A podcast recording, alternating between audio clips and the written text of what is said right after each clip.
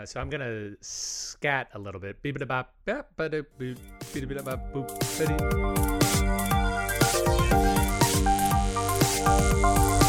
Well, I'm not a crook.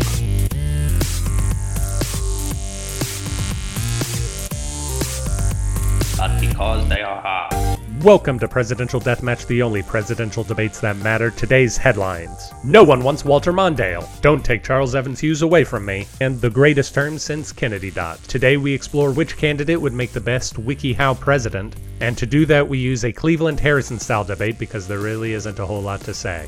All that and more on today's Presidential Deathmatch.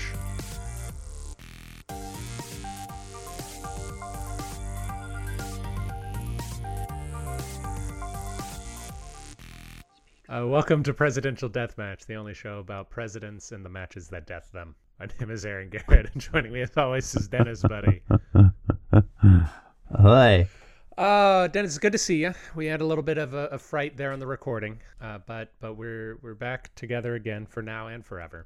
And Yes, we're here to talk about a very weird topic that is designed mostly so that I can talk about Alton Parker, which is who I am going to talk go. about uh, today. But but before we jump into that, do you have uh, i- any introductory remarks? I thought that uh, because the topic being um charisma, I I kind of in my head I thought an interesting metaphor it could be best WikiHow. Interesting. If a president was just a WikiHow that you could Google when you needed to. Can you explain this concept more to me? Because I, I am afraid I'm not familiar. Like oh, like uh, it's WikiHow being like Wikipedia for how-to right. articles. So what's the So, like- cultural uh, viewpoint of it? I feel like there you have a you have a thing that you think of WikiHow, and I am disconnected from any emotion or thought of this. I don't know. Yeah, I I think yeah, I don't I don't know if there is much of one other than that it's a place that explains things. There is some humor to it because it's like you it'll even explain things like, you know, like freezing meat in a Ziploc bag and stuff like that, but um but just the idea that like if you reduce the president to just someone that you say, "Hey, here's an obstacle. What do we do?" and then Oh, okay. it just gives you the steps that you run through. Interesting. I I I like it. I like it. I'm happy to do that. I was also thinking speechless. Just if if you never heard from the president, but the president was just a box that said do this, which I think is very Yeah. similar to what you said. So let's go WikiHow. We are now doing a new episode. We're changing the subject. The topic of today's conversation is which president is the best WikiHow president, one supposes. I am arguing for Alton Parker.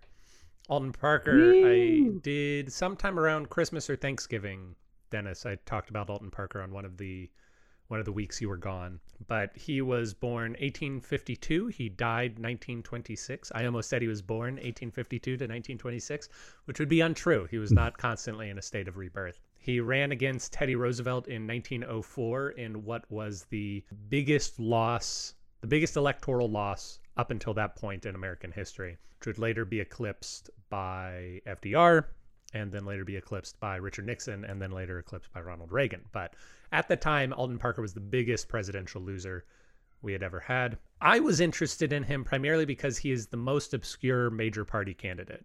He is the only person, the only major party candidate who's ever run for president who has never had a book written about him Hmm. and he just has very limited cultural consciousness. I wanted to know why that was. So, why did he run?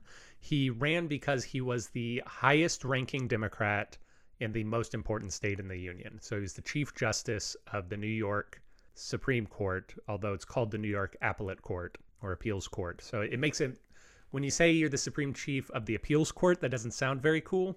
In any other state, it would be called the the Supreme Chief, Chief yeah, the Chief Justice. Justice of the Supreme Court. So Okay. he's the Chief Justice, essentially, of the Supreme Court of New York. He's the highest ranking Democrat in New York.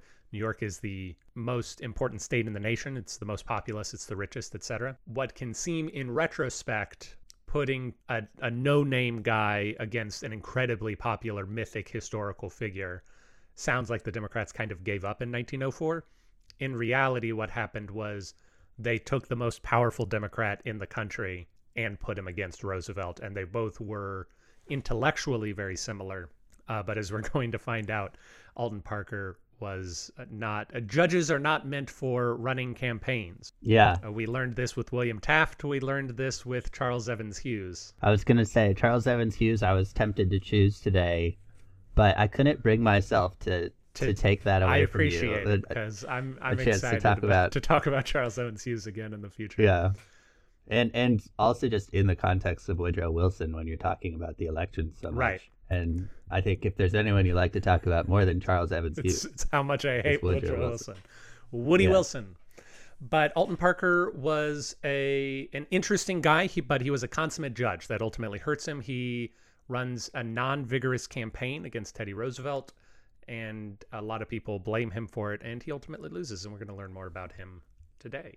Yeah. And I, I've got James M. Cox today, which M uh, James Major, is Major Cox, major. yeah. It's, multiple uh, James Multiple Cox. There is one uh, person I was looking at for a while whose middle name was Person, and I thought, I thought that'd be good for talking about people who are kind of boring. No, but um, he's uh, his middle name is interesting because it's Middleton, but when he was born it was Monroe, and then I think he just changed it to Middleton because he lived in a place called Middleton Fascinating. for a while. Fascinating. I did not Yeah. know that about Mr. James Cox. Yeah. Yeah. Anyway, so he was alive from 1870 to 1957. Not all too different. There's a little bit, tw- 20 years later than um, your hmm than Alton Parker. Uh, he ran against Warren G. Harding in 1920, and this book, this They Also Ran book, Mhm. which I'm sure you have you talked about that book before. I I don't believe I've ever mentioned it by name, but I definitely read it on my honeymoon seven years Okay, ago. there you go. So I'm familiar with the book. It, yeah, it's like actually from like the 1940s, so it's like an older book, I guess. But um, it talked about James Cox being the most obviously better choice of any candidate who lost. So he kind of, as far as that book was concerned, Yeah, he was the the winner of the they also ran candidates. which makes sense. He was that election is so crazy. Yeah, it does. My sense is that Ohio was a big swing state. hmm It was a big. It was really a big deal at the time in a lot of ways. And so both parties were like, "Oh, we got to get someone from Ohio. Oh, look, in the newspaper industry, these people seem really good at like getting their name out there and all the rest. So I'll choose Warren G. Harding." And then And I'll choose James Cox. Yeah, like they were like on paper the same person, just from the other political party. Um, but James Cox, I think, looking closer, uh, was someone who would have maybe been a lot better in a lot of ways. Um, If you look at pictures of James Cox and Warren Harding, yeah, James Cox looks like the dweebier one. He looks like Yes. the more studious guy. And Warren Harding looks like someone who plays squash. yeah, yeah. He looks, yeah, he looks like a mix between like your classic twenties Yeah. Fancy man and Harrison Ford, kind of. My favorite thing about 1920 is that it was the first na election in which all women could vote.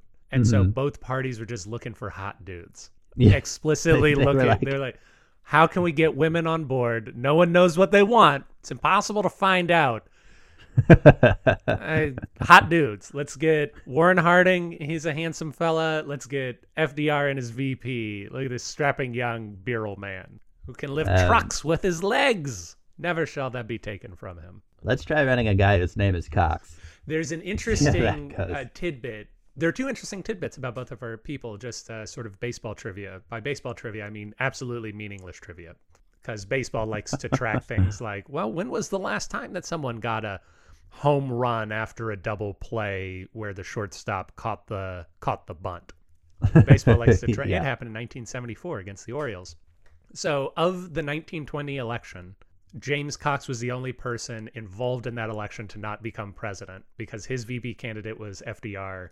Yeah, And then there was Warren Harding. And of course, Warren Harding dies and makes Calvin Coolidge president. yeah. So James yeah. Cox is the only guy. And Alton Parker, 1904, starts a trend where from 1904 to 1916, there was always a judge running for president. Alton Parker, William Taft twice in 1908, 1912, and then Charles Evans Hughes in 1916. and we know how that went. Yeah, largely poorly. yeah, there similarities I think in a in a number of ways. Just from you introducing, he also lost by a whole lot in the popular vote, and was pretty similar to the other candidate in a lot of ways, hmm um, and very progressive. And Harding was, I guess, middling as far as progressiveness goes on the Republican side. He was kind of a compromise candidate Yeah. but uh but yeah they they were kind of interestingly similar in a lot of ways just because it was this post world war one period and there was a lot of people wanting the same things so it would have been different because he was a democratic candidate and everything but like he also wasn't that into the league of nations and Yeah. he wasn't yeah and, and there was a lot of focus on oh let's let's get domestic stuff going and stop talking so much about our relationship with the rest of the world Yeah. They, who and everything needs it? yeah That's not going to come back to hurt anybody. League of Nations, League of Nations is actually going to come up in our conversation later on today. It's a very big turning point in presidents talking directly to the American people. But before we talk, uh, before we screw up what we're going to talk about, Dennis, let's talk about what we screwed up already in previous episodes as we go to retractions, retractions. Oh, retractions. Da-da-da-da-dum. Ba-da-ba-ba-ba, beep boop. So, Dennis, we talked about a lot of stuff last week. But first, I want to ask you the only important question that we ever ask on this on this program: How did James G. Blaine run the first modern campaign? Yeah. Um, the thing that comes to mind is that uh, this was, I think, the first time that there was a slander about a secret baby, Mhm. which James G. Blaine found that Grover Cleveland had a, a love child and made that a big part of the uh, the campaign, Yeah. which I guess is a true thing. I guess it's hard to know, but I We- think it's generally thought that it's true, right? We had a lengthy conversation about this in season one, Mm-hmm. where my position is that the truth is impossible to be determined. And the current cultural climate says, well, of course he did it because he was accused of doing it. Uh, but Mhm. but there, it, it is impossible to say. Yeah. But yes, probably.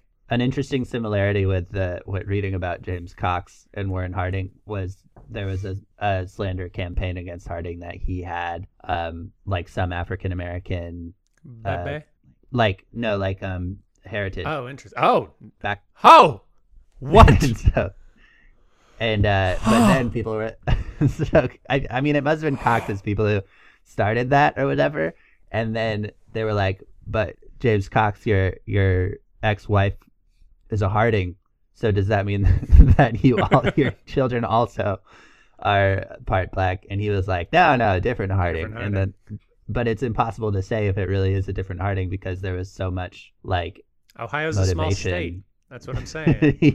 yeah.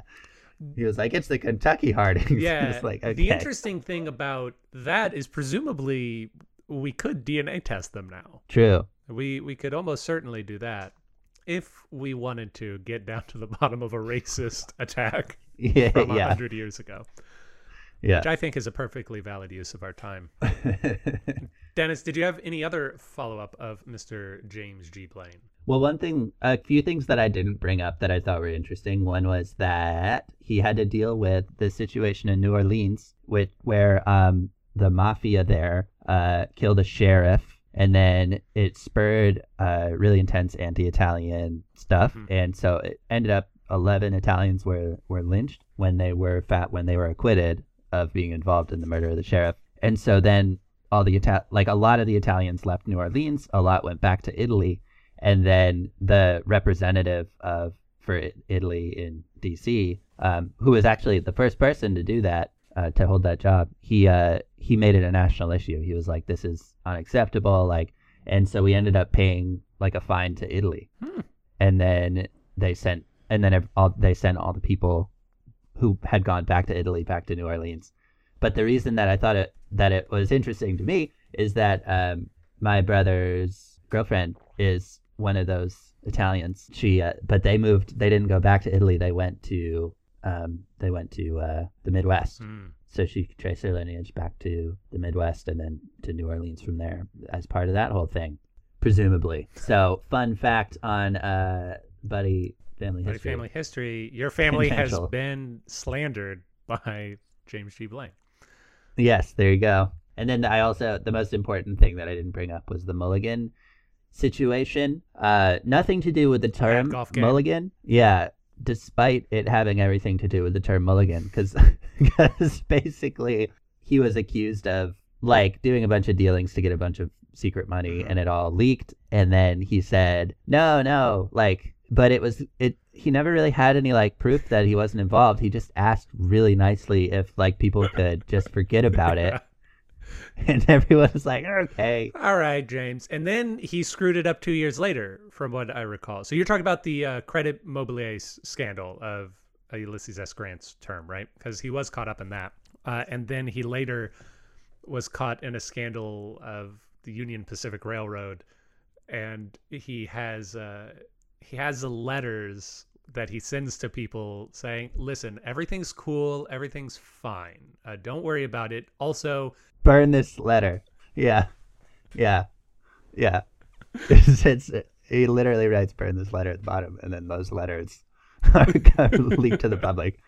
It could not be more incriminating. But I was like, this must be where the phrase "mulligan" comes from, because he literally says, "Let's just, like, just give me a freebie on this one, guys." This is the only time I've been caught being corrupt.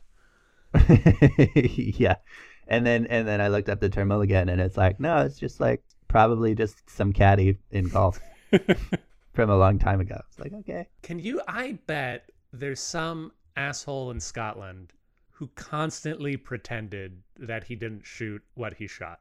And that's how the term came about. Is that there's just some rich idiot who was insisting that no, no, the sun was in my eyes. Let me do this again. And everyone just began Yeah. derisively referring to it as a mulligan. I like the idea of it being his caddy. Yeah. You're like, hey, boss, that was, Oh, uh, you know what? That's on me. I gave you. I gave you the nine iron. I should have given you the wedge. Everyone knows that. yeah. Actually, you know what? Nine iron. Yeah, do it again with the nine iron. I have a few things about Blaine which I thought were amusing. So they say that uh, he, of course, served as Secretary of State twice. He was the most popular, second most popular Republican in the country, next to Ulysses S. Grant, despite the fact that he loses election. hmm But even though he spends a ton of his life in uh, in Congress, both as a senator and as Speaker of the House, he has few achievements as a legislator. And one of his biographers says, "No man in our annals has filled so large a space and left it so empty." yeah, that sums it up. And there's uh, another thing which seems very familiar to us these days in uh, with all of our stories of politicians ignoring the COVID protocols that they themselves put in place. I'm thinking specifically of Gavin Newsom and the French Laundry.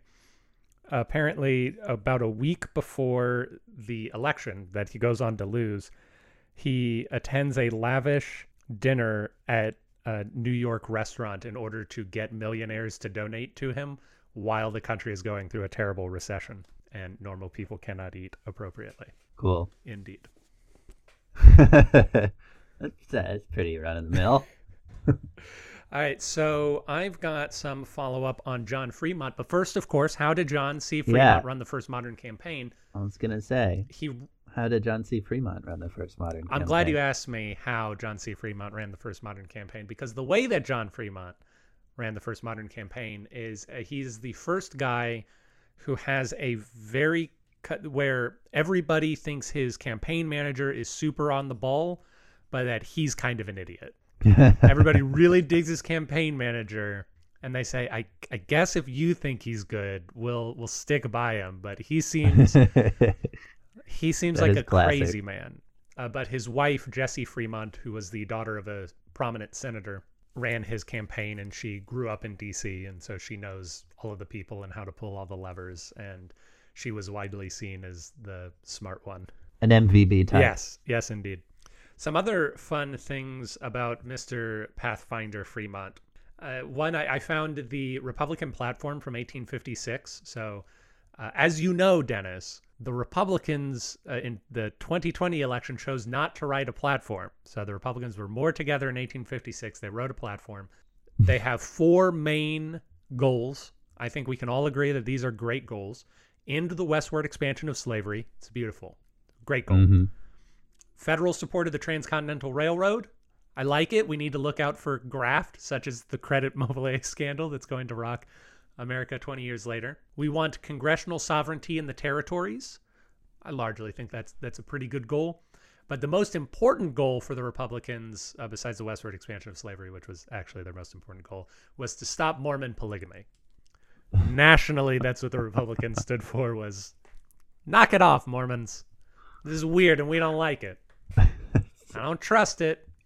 Huge priority. Nothing about nothing about relationships with Native Americans. No, no, gosh, no.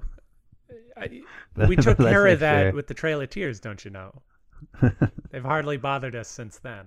I don't believe that I spoke about the court martial that John Fremont went through last week. So, John C. Fremont is the only presidential candidate so far to have been accused of mutiny against and treason against the United States. he was later acquitted, but basically, the Mexican American War happens, and this is the time before the telegraph, really, or at least the telegraph is not in as wide a circulation. So there is confusion as to who is in charge of the war effort. John C. Fremont believes it's this guy named Stephen, not Stephen Kearny. Stephen Kearny is the other dude. Uh, Commodore Stockton. So John C. Fremont thinks Commodore Stockton's in charge. Commodore Stockton puts John Fremont in charge of California. He's the military governor of California.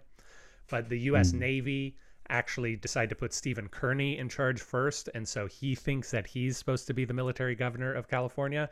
And so after we have California, those two guys kind of butt heads. They never go to war with each other, but there's a lot of there's a lot of things in John Fremont's life where he kind of plugs his ears and goes, "I can't hear you. I can't hear you. I don't have to do anything. If if I can't hear you, tell me what to do." So he just sort of pretends that he doesn't know that Stephen Kearny's supposed to be in charge of California until Winfield Scott has to get involved and tell him, no, like, come on, you, you need to do this. And he holds out just a little bit too long. And so he gets court martialed. And this court Wow. martial actually helps launch Fremont's national uh, campaign even more. All press is good press. Yeah, because the people think that uh, the people read about how he led all of these great battles in the Mexican American War because he was really good at getting volunteers. So he raised up a lot of volunteer armies that were successful. And he, of course, wrote all of the books that helped people travel out to the West. So they know his name, and now he's getting attacked. And so they people get a lot of sympathy for him. Really, it's the story of why you shouldn't name your kid Commodore. I you, you're joking. His first name was Commodore. Oh, Yeah, no, no, his name was Commodore Stockton. So it really, it really did lead Yeah, to no, they really did name him Commodore Stockton. uh, Commodore, Commodore Stockton. Oh no, I, I'm just a militiaman. No, no, no. So my favorite thing about Fremont is very late in life. He doesn't have a lot of money. He's still the first Republican presidential candidate, and like we see with James Blaine, et cetera, people want to give him positions because they want to say we we respect everything that you've done in the past, even though you weren't president. But he's not really suited to anything. Like like we said, he's sort of crazy. Actually, another thing in the election of 1856, both parties looked at him to run because he was a popular guy who didn't have a whole lot on the books as far as opinions, which was really big Like, in those days. yeah. So uh, they want to give him positions. Rutherford B. Hayes appoints him to be the military, not the military, the uh, provincial or the territorial governor of Arizona, and he's the second or third or fourth. He's one of the first territorial governors of Arizona. But John Fremont doesn't like going there, and so he just never goes to Arizona, and he's just trying to conduct being governor of Arizona from New York which is where he's living. And then Hayes eventually comes to him and says, Hey, man, you either have to go to Arizona or I have to fire you. and he says, You better fire me really? because I'm not going to Arizona. Oh man. yeah, funny stuff. Dennis, what else do you have for us on retractions? Uh, just to, I think just to round it out, enjoyed our conversation about piracy. We talked about confusion around when the golden age of piracy really is, and I realized that could all be cleared up if we just called the 1720s, 1730s the R-ing 20s. I think that could be kind of our our stamp we put on that On we put on the annals of history. Yeah. yeah. Uh, all right, so we're going to write a book called the R-ing 20s. and or you're going to contact whoever's at Baker right now, whoever the Dennis and Andrew are at Baker, and tell them to just start a party. So the 1720s, R-ing 20s, course, 1920s is the roaring 20s. Roaring twenties. These 20s are maybe the boring 20s. So far, yeah. Uh, all right. So 1820s, we have we begin the 1820s in the era of good feelings. We're very American centric also on this program, so I'm I'm mostly just thinking about 1820s in America. Yes. Slash colonial America. Mhm. Indeed. Well, no longer colonial America. Because because we're looking at the presidencies of James Monroe, Quincy Adams, Oh, and yeah. Jackson during. I was referring 20s. to the roaring 20s. Oh yes, that is colonial America. Um, oh boy, hold on. so- Let me look up a rhyming dictionary. JQA, era good feelings. I mean, Mhm. that kind of earns a boring 20s. It does. even more than It our current decade. Yeah. Okay. So so we can go for both a boring twenties and a snoring twenties. Do we want do we want our current era to be the snoring twenties and the eighteen twenties to be the boring twenties? I would almost switch them, but, but Okay. sure. All right. I'm good. I'm I'm happy with that. Or the soaring twenties could also work for the era of good feelings. Oh, that's true. All right. Listeners, you decide. Let us know how pointless we've just taken. how much of your life have we just taken by this conversation? And we're talking talking rhinos. Dennis, I see you've put rhinos down on. A, Oh, I just thought it was a particularly Dennis moment in the last episode, listening back when I brought up half breeds and how he was the that they called his more moderate faction of Republicans half breeds, Mhm. uh, James G. Blaine, and uh, you said how it some things just really haven't changed much at all, and I was like, yeah, like mudbloods. Obviously, we're talking about rhinos, Republicans in name only, which is like non-Trump Republicans in the current climate. in the Um, current climate, although rhino as a term has been around since the mid '90s. hmm And it's interesting. Yeah, it makes me wonder. You know, if this kind of, I mean, half breed rhino thing, if it's going to gain prominence the way that it did back then and start to really become, Something cool. yeah, like it's. You know, I'm I'm I'm just really curious about the future of the Republican Party. Me too. It's an exciting time. I know it's also a terrifying time because we're living in it. Yeah, But from a historical perspective, I can't wait to see where we land. yeah, And, and Yeah. we'll we'll find out in uh, oh 10 months or so. yeah. At least the first step of it. Well, Dennis, I think it is time to close the retraction box by saying presidential deathmatch regrets the errors. Give it a diddy doop. Speak softly. At first, Dennis, when we were looking at topics for this year, I thought it'd be interesting to to talk about who was more who were more exciting candidates that did not get chosen by the American people. And then as I was going through each election, I realized America almost always doesn't choose the boring person, which Mm. can't be good. It seems like we have got a very heavy bias in favor of big personalities for president, people who are gregarious and connect well. And I don't think it's a, a mistake to to want that quality in a president. You want your leaders, you want to feel as though your leaders can relate to your situation. Otherwise, they become robots. But it's not good if we're always picking the party animal, the Ronald Reagan or the George W. Bush or the John Kennedy when we've got better statesmen such as Richard Nixon and Al Gore at the very least. I'm not going to make a real big argument in favor of Walter Mondale right now. I, th- I think Hillary would have been better. Yeah, yeah, yeah. True. Also true. You are correct. The, one of the more recent ones. But- fair to say. Yes, but we we have this bias in favor of the exciting, and so I was wondering how does that play into how we choose a president?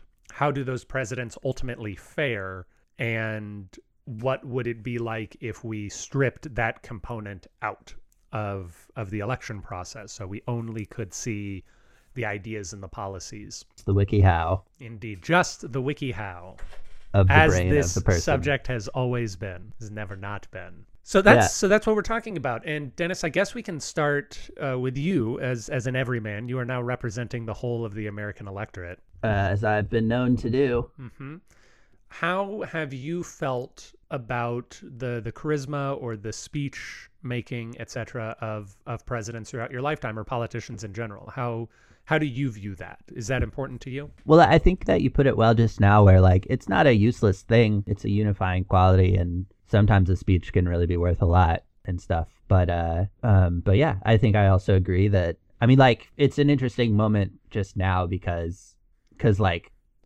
Biden is famously not a speaker, and Yeah. uh, you know, and so it, I mean, it kind of forced everyone who didn't want to reelect Trump to be like, you know, it was it's actually oh, the the um, James Cox who I was who I've got for today. Uh, his loss was uh, was Harding running a return to normalcy campaign was like the phrase.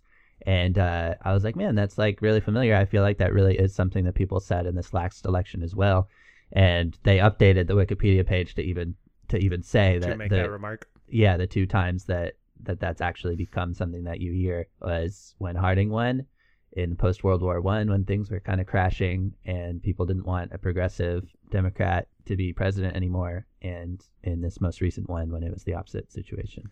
Oh, I think that's limited view on the part of Wikipedia. John Kennedy used a very similar phrase when he ran in 1960. Ronald Reagan ran a similar campaign in the 1980s. I believe Thomas Jefferson's surrogates. Thomas Jefferson, of course, did not directly campaign, but Thomas Jefferson used Mhm, similar. It, right. It's it's been a recurring theme throughout American politics of this latest person screwed things up, put me in charge, and I'll put Yeah. it back. Or this latest party. it. yeah. Yeah, yeah. Yeah, and I think that was really my perspective before the most recent stuff when every when everything became so much about Trump. It you, I feel like I used to feel like it was always just like we have to flip the quarterback over to the other side every eight years, and uh, so hard to like be elected if you're from the same party as someone who was just president for eight years. Yeah, yeah, that's true.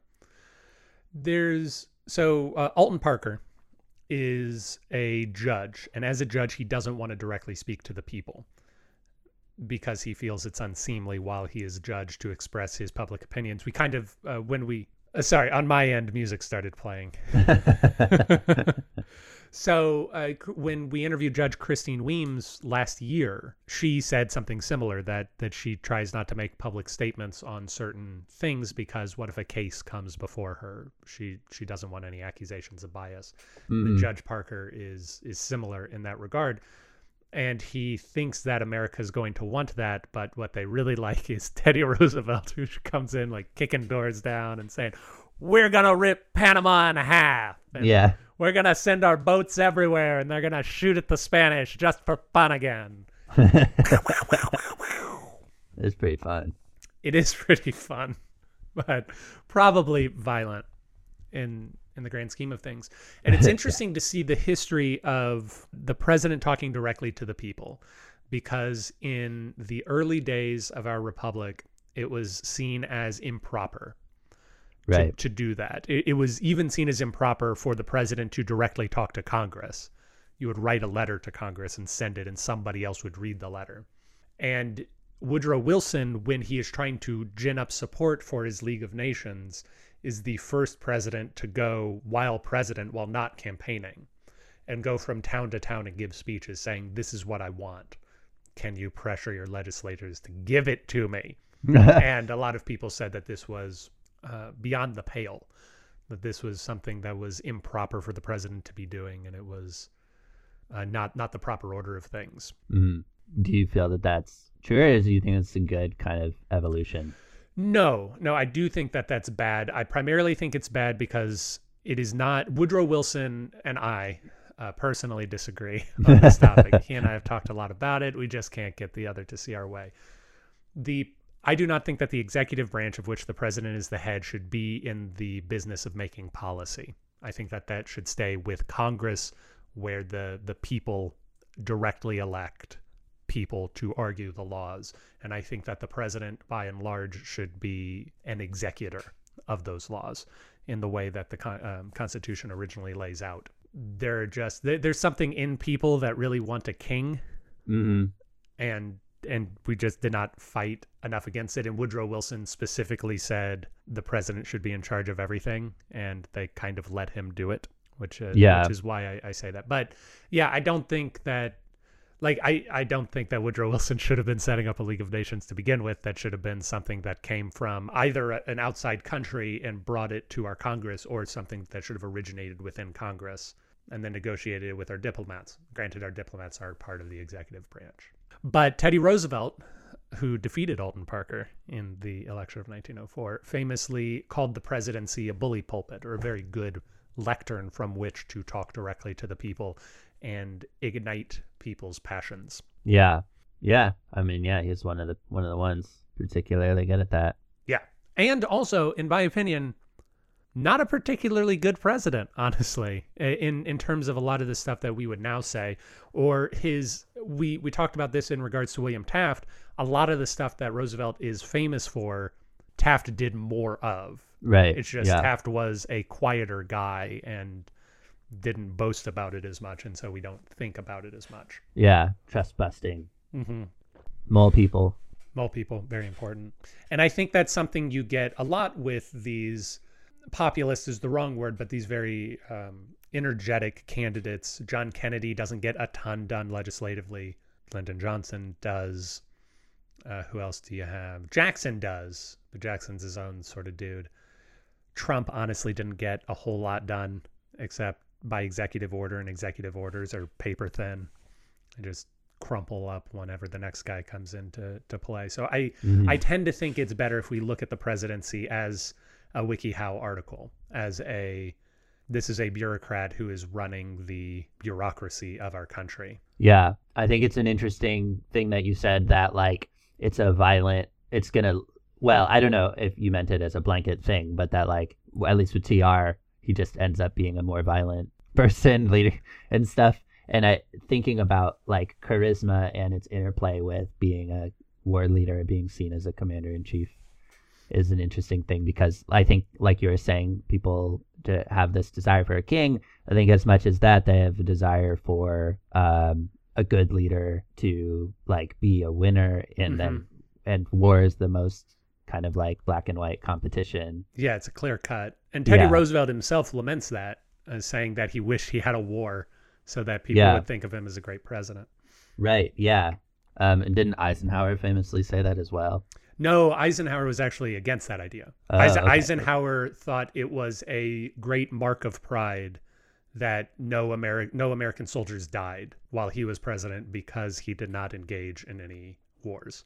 Nice. I think people around Eisenhower may have yeah. thought Yeah. different, but but Eisenhower himself was was against the idea of war as as so many career military politicians are. Then like Woodrow Wilson, like you were saying, he ends up getting all this uh, power Yeah. centralized and everything.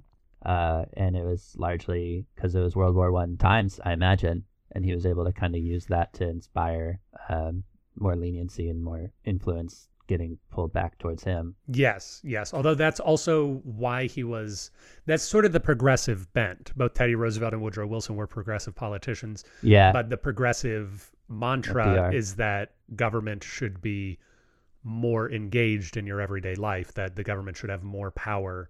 And so one of the reasons that Woodrow Wilson was nominated was because he had written papers and done speeches on this topic before he became president of of course before World War One began. So Leslie Southwick, who is the historian who generated that list we talked about last week of the Mhm. relative successes, she says of Alton Parker because she is the only the only sources I found for anything Alton Parker, and I read them a lot so that I would know them, was the New York court website maintains biographies of all of the judges that have ever been part of the New York court system. So they have a biography of Alton Parker. And then Leslie Southwick wrote a 15 page article on him. But but she says of Parker, and I think that this gets down to the the conflict that we're discussing today. Finally, Parker deserves better from history because he represents a principled, dignified, and scholarly approach to public service that has rarely been rewarded with the laurels of a National Party nomination. The idea that consistent good work focused is not as rewarded as Teddy Roosevelt charging up San Juan Hill or Ron DeSantis yelling at reporters in Florida, which is, you know, there are a lot of people who who believe that Governor DeSantis's star is rising, but what what has he done for Florida? I'm not a Floridian, so I don't know the nuts and bolts of it, but from the outside it looks like primarily been combative, Mm. which makes people think he's vigorous. This word Mm. vigorous keeps keeps coming up. Yeah, yeah. James Cox, less vigorous, mayhaps. Newspapermen. You know, You know what? You've got you've got the whiskey drinking newspapermen like Harding, and you've got the typesetting newspapermen, presumably like Cox. Hmm Yeah, it seems like that was truly his passion at the end of the day. He said that if reincarnation is real and he gets any say, he'll just ask that he can be among the smell of ink Oh, what a nice guy. his next life. Yeah. Yeah, and uh, he was governor of Ohio during Woodrow Wilson, and uh, being a, a similar, having similar outlook, he kind of he had like a lot of success, kind of doing a lot of similar things in the at the Ohio level. But he did think that the League of Nations was well, he supported it, but reluctantly so. Yeah. But yeah, yeah, you kind of get the sense he was he was effective, but also Because he was Um, governor of Ohio. Uh, We we've only been referring to them as newspapermen, but Harding was a senator and Cox was a governor. Yeah, he was a congressman and then he was a governor. That was yeah. So I guess maybe even a little bit more of a of a resume than well, I guess senator is Depends on what you're looking well. for. I Yeah. I tend to go for governors over senators for for my president. and mayors most of all, really. Yeah, yeah. Ah, when can we get an Eric Garcetti in the presidency? I keep screaming. Or a Lori Lightfoot or a Rahm Emanuel. I know more mayors than I thought. I'm not even part way through. I could keep going. Where are the Ray Arthur Garretts, my grandfather, who was mayor of Pine Island, Texas? uh, Pine Island. Pine Island, yes. It's uh is it those two things really? Well, not surrounded by water, so it's a landmass that's surrounded by pine trees. And so they call it Pine Oh. Island because it is cut off from the rest of the state by a forest of pine trees. Do they have any bakeries there called Pineland? Unfortunately, no. They have very little there in Pine Island. It's a small municipality. Bigger than it was before Grandpa Garrett was mayor though. Tell you That's that. That's true. Yeah. Papa really took it to him. Pine Island. So it's extremely close to Hockley. Yes, yes. Yeah. It, it is quite close to where I grew up in Hockley, Texas. you guys are at some point migrated to the big city, Hockley. Yes, it's important. I actually think Pine Island might be larger than Hockley, at, at least when I was growing up. Anyway, So I've got a, a few other facts about Mr. Parker that I could go down. So we don't know he he didn't make speeches, and one of the big things that they criticized his campaign for, very non-modern campaign of him, was that he gave one milk toast speech at the beginning of his campaign, and then he said, "I'm going home, and if anyone wants to talk to me, you can." and they didn't. And no one did. And no one did, unlike Teddy Roosevelt, who went and made a whole lot of speeches. And so he was he was attacked for having a non-vigorous campaign, which is why I've used that word a couple of times. I see. But we can know a few things about what he would have been like as a president from the court cases, uh, the the judgments he he put out, how he ruled as the chief justice of the New York Appeals Court, and what he said. So we can generally uh, assume that he was pro-union. In the National Protective Association of Steamfitters and Helpers versus Cumming, he writes, It is not the duty of one man to work for another unless he has agreed to, and if he has so agreed but for no fixed period, either may end the contract whenever he chooses. It is illogical and little short of absurd to say that the everyday acts of the business world, apparently within the domain of competition, may be either lawful or unlawful according to the motive of the actor. So there was a, um, there were people complaining that unions shouldn't be able to negotiate on behalf of of the the people among them. And he was saying no if someone agrees to be part of a union then you can nominate the union to speak for you. And as long as there isn't a prior contract in place that that is not the business of the state. We can also say that he was pro contract in Ingersoll versus Nassau Electric Railroad. Uh, there was a situation where uh, there was a railroad and the railroad started subleasing its tracks out to a new a line of cars, and that line of cars was creating noise disturbances. But basically, everyone along those tracks had already agreed to the fact that traffic would be going down those tracks. And he said, No, you agreed to it. It doesn't really matter that you now don't like what you agreed to. You agreed to it.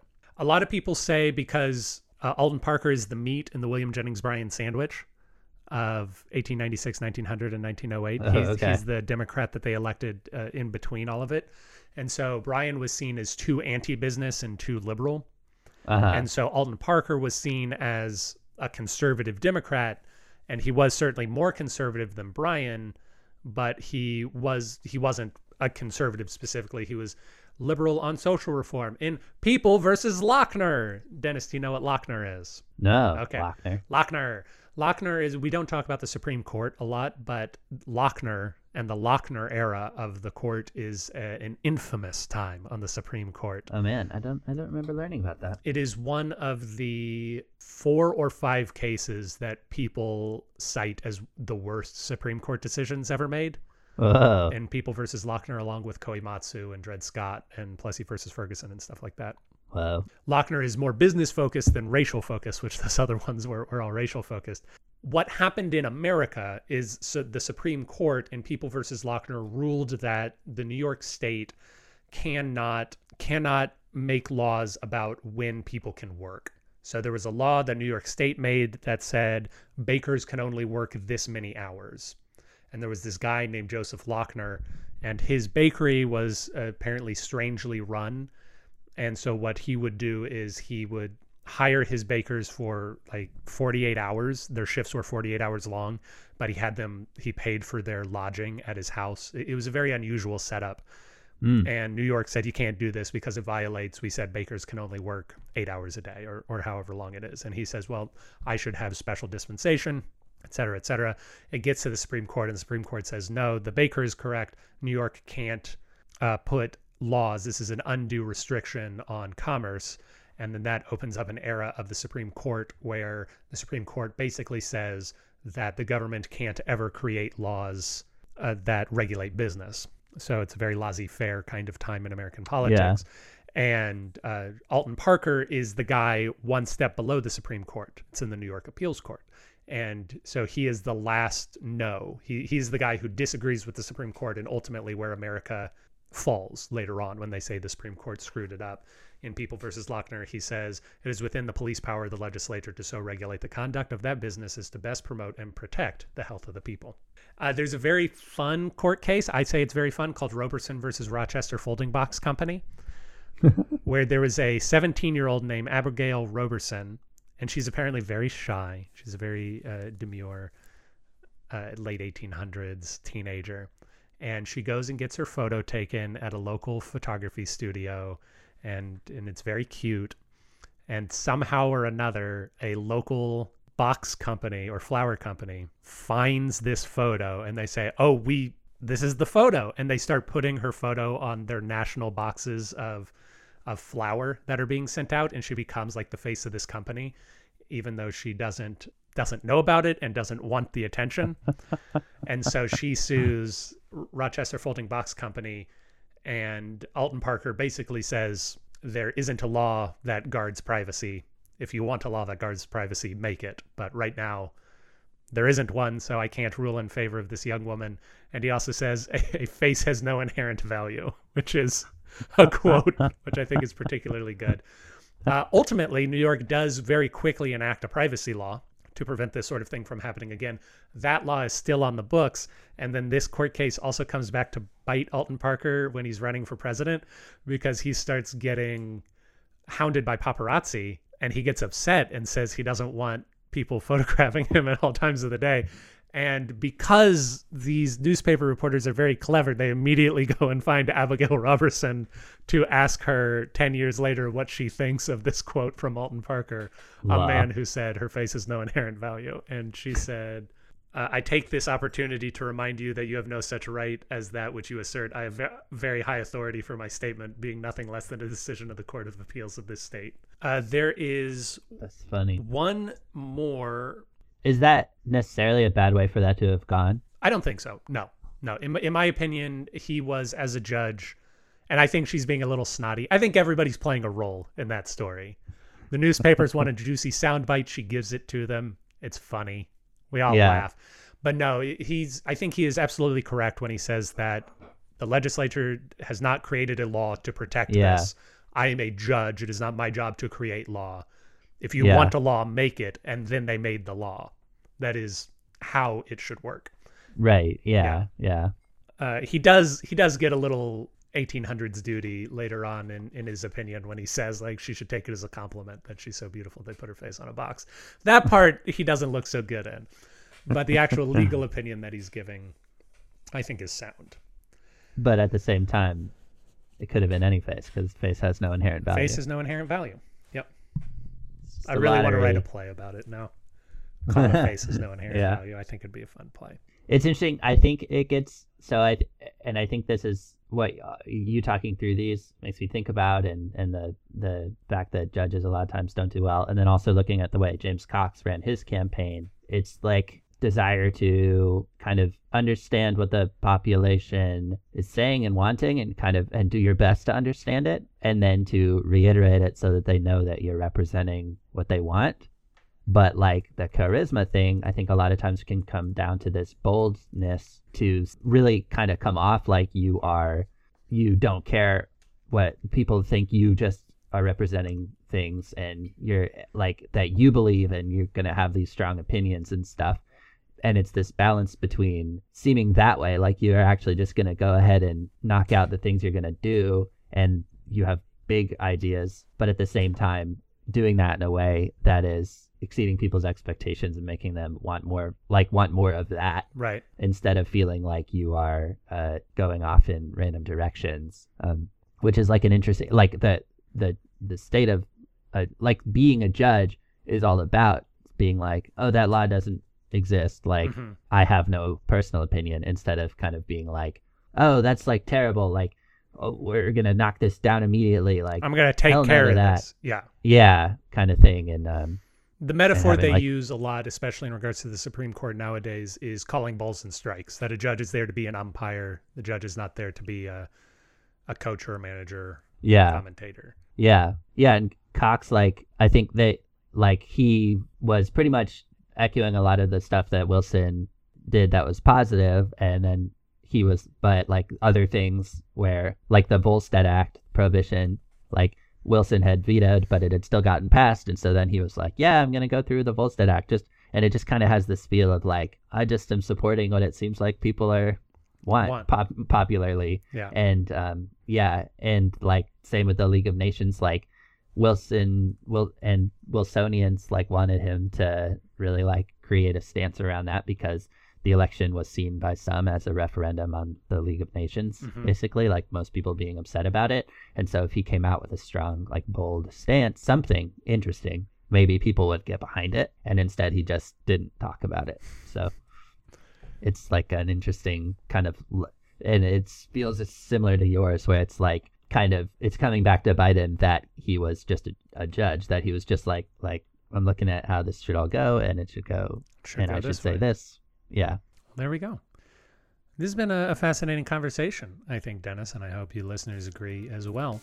We will be back next week with more fascinating thoughts, I assume. yes indeed Thank you